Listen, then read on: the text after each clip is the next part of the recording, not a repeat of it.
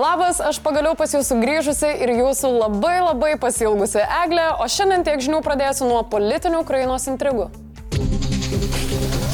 Orams nurimus teroristai imasi įprastų nevykusių šunybių. Ukraina numušė visus jos pusėn skriejančius dronus ir raketas, bet situacija Abdyivkoje vis dar įtempta. Nors orkų lavonai klojami jau antrus sluoksnių, jiems pavyko išplėsti pilkąją zoną šalia stepovės. Ukrainiečiams teko atsitraukti iš kai kurių pozicijų pramonės zonoje, bet nežymiai pasistumėjo Zaporižės rytyje. Vėliau dieną Rusija paskelbė, kad užėmė Chromovės kaimą Bakhmuto pakraštyje. Ukraina šio pareiškimo dar nekomentavo. Kovos nerimsta ir politinėme lauke. Ukrainos parlamento deputatė Marijana Bezula užsipuolė ginkluotojų pajėgų vyriausiai vadą Valerijų Zalužną. Ragina jį atsistatydinti, nes vadas neva nepatikė karo su Mordoro veiksmų plano kitiems metams. Yra manančių, kad už kritikos stovi Zelenskio aplinka, o pareiškimai skirti prazonduoti visuomenės nuotaikas, jeigu vadą atstatydintų. Net metama ir Rusijos trigrašio versija, kuris jie, kaip teigiama, įkišo trigrašį tikrai, tai iš žvalgybos, valdybos darbuotojų darbuotojų ir vado Budanovo žmonos apsinuodėjimą. Tuo tarpu Putka dėl nuolatinio degonės trūkumo bunkeryje išprotėjo galutinai. Kitais metais gynybai ir teisėsaugai, tiksliau karui, ketina išleisti 157 milijardus dolerių. Daugiau nei dvigubai nei šiais metais. Tai 39 procentai federalinio biudžeto. Aišku, kam bereikalo taškyti pinigus švietimui dar netyčia taps protingais ir neis kariauti.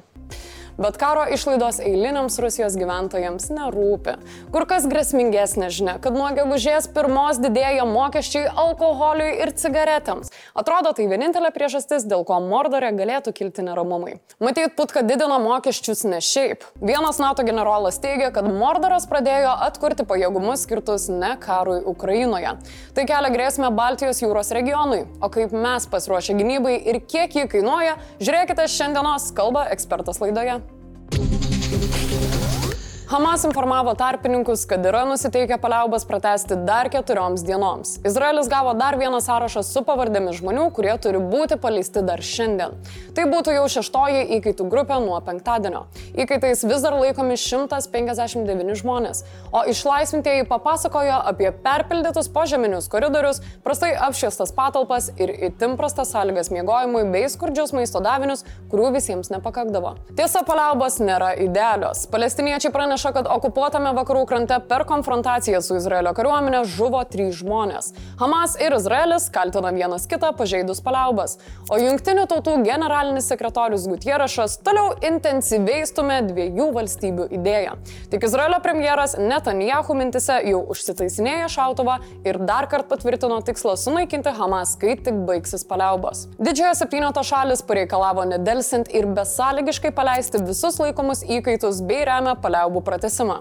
O JAV tarptautinės plėtros agentūros vadovė pareiškė, kad padidėjęs humanitarinės pagalbos tiekimo palestiniečiams rautas toks išliktų bei taptų nauja norma. Nuo penktadienio į gazos ruožą per dieną įvažiuoja 240 sunkvežimių. JAV taip pat išsiuntė pirmąjį iš trijų karinių lėktuvų į Egiptą su gyvybiškai svarbia humanitarinė pagalba. Nepaisant pastangų, pagalbos neužtenka net skubiausiams reikmėms. Pasaulio maisto programos organizacijos atstovai įspėjo, kad gazos gyventojams grėsia didelis bado pavojus, o sąlygos teritorijoje katastrofiškos. Vis labiau ryškėja, kas prezidentų rinkimuose ketina pralaimėti Gitanui Nausėdai. Ne, ne, ne, ne, ne, jis dar nepaskelbė jo kandidatuos. Pralaimėti norėjo ir celofanas, tik jis gavo laisvės atimimo bausmę. O ne. Vakar liberalai svarstė savo kandidatą. Aišku, žinojame, kad jie turėjo tik vieną realų variantą - pirmininkę Viktoriją Čmilytę Nilsen. Tačiau nuspręsta pasuoti mat Prezidentiniai rinkimai, galima tai pasakyti, na, manau, bus tiesiog mažiausiai įdomus. Šiuose rinkimuose, na, yra pakankamai aiškus favoritas. Tai išsigando net ne kandidato Gitano, Liberalas Petras Auštrevičius buvo pareiškęs, kad jei liberalai nieko nekels, tai jis pats save išsikels, tačiau panašu, kad jo ambicijas partija suvaldė. Apmaudoka, nes neišgirsime dainos skambėjusios per ankstesnį Petro bandymą.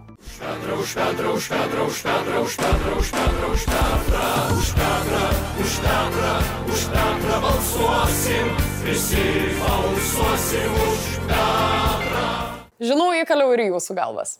Tuo tarpu partija Laisvė ir Teisingumas nieko nebijo arba tiesiog nori išnaudoti rinkimus kaip komunikacinę platformą.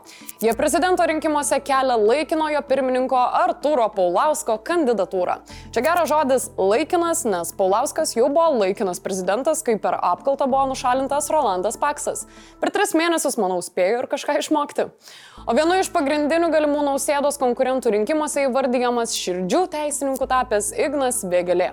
Jis reitinguose yra visai netoli už Gitano. Už jo. Nors kitoje apklausoje kaip kandidatai jį vardyje vos pusantro procento apklaustųjų. Bet juntantis žmonių palaikymą, jis prieš porą savaičių atskleidė savo svajonę. Nauja politikos žuvelė vėgėlė išgarsėjo pasisakymais prieš skiepus ir apie koronavirusą. Paskutiniu metu apie oralinį seksą. Ir štai, Vaidalos teatre ką tik tai įvyko. Vėgelė pranešė tautai tai, ko ji taip laukia. Nenuostabu, kad prieėmė labai logišką sprendimą ir nusprendė išsikeisti sukauptą socialinį kapitalą. Vėgelė sieks prezidento posto ir bandys mesti pirštinę jo pagal reitingus antrame rinkimų ture realiausiam ne kandidatui nausėdai. Už savęs advokatas vedasi spalvingą palaikančią komandą. Ir kaip jums vaizdelis? Pasidalinkite komentaruose, ką galvojate apie širdžių advokato apsisprendimą. Santaros klinikos neteko vieno perspektyviausių chirurgų 36 metų Marijos Petrulionio. Jis vadovavo klinikų inovacijoms. Mirusio vyro kūnas rastas lapkričio 28 dieną apie 6 val. 40 min. Vilniuje, mokslininkų gatvėje esančiame bute. Pradėtas iki teisminis tyrimas. Šaltinių teigimus savižudybės priežastys nesusijusios su problemomis darbe. Petrulionis didelę dalį savo veiklos skyrė kepenų transplantacijoms, onkologinių pacientų gydimui, studentų ir rezidentų mokymui. Nuo 2023 m. vasaros gydytojui buvo patikėta vadovauti robotinės chirurgijos grupiai. Sveikatos apsaugos ministerija rūpinasi psichologinės pagalbos suteikimu santoros klinikų medikams ir šeimai.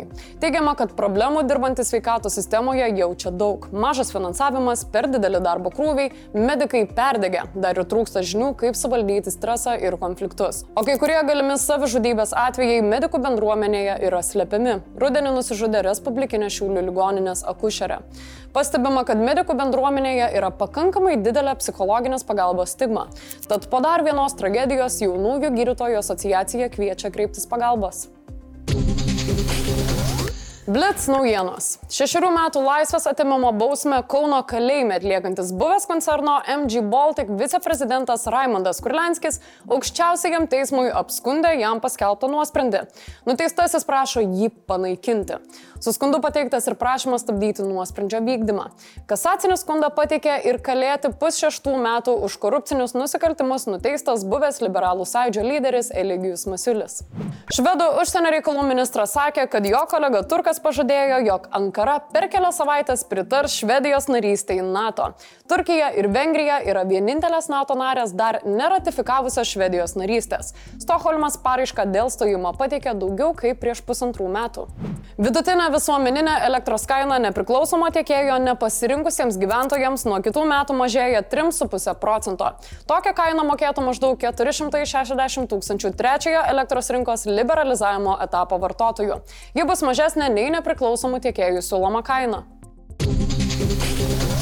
Primenu, kad komentaruose pasidalintumėt savo nuomonę apie vėgėlės sprendimą. O šiaip kviečiame balsuoti už projektą Skaidrinam LRT metų rinkimuose kaip už metų pilietinį iniciatyvą.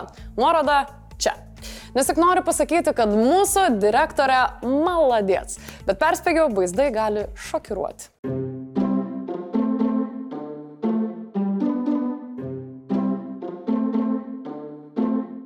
Komentarų metas. Daug smagių ketureilių prirašėt, o kvietimus į antikvarinio Kašpirovskio dantų koncertą laimėjo Name LT2TZ.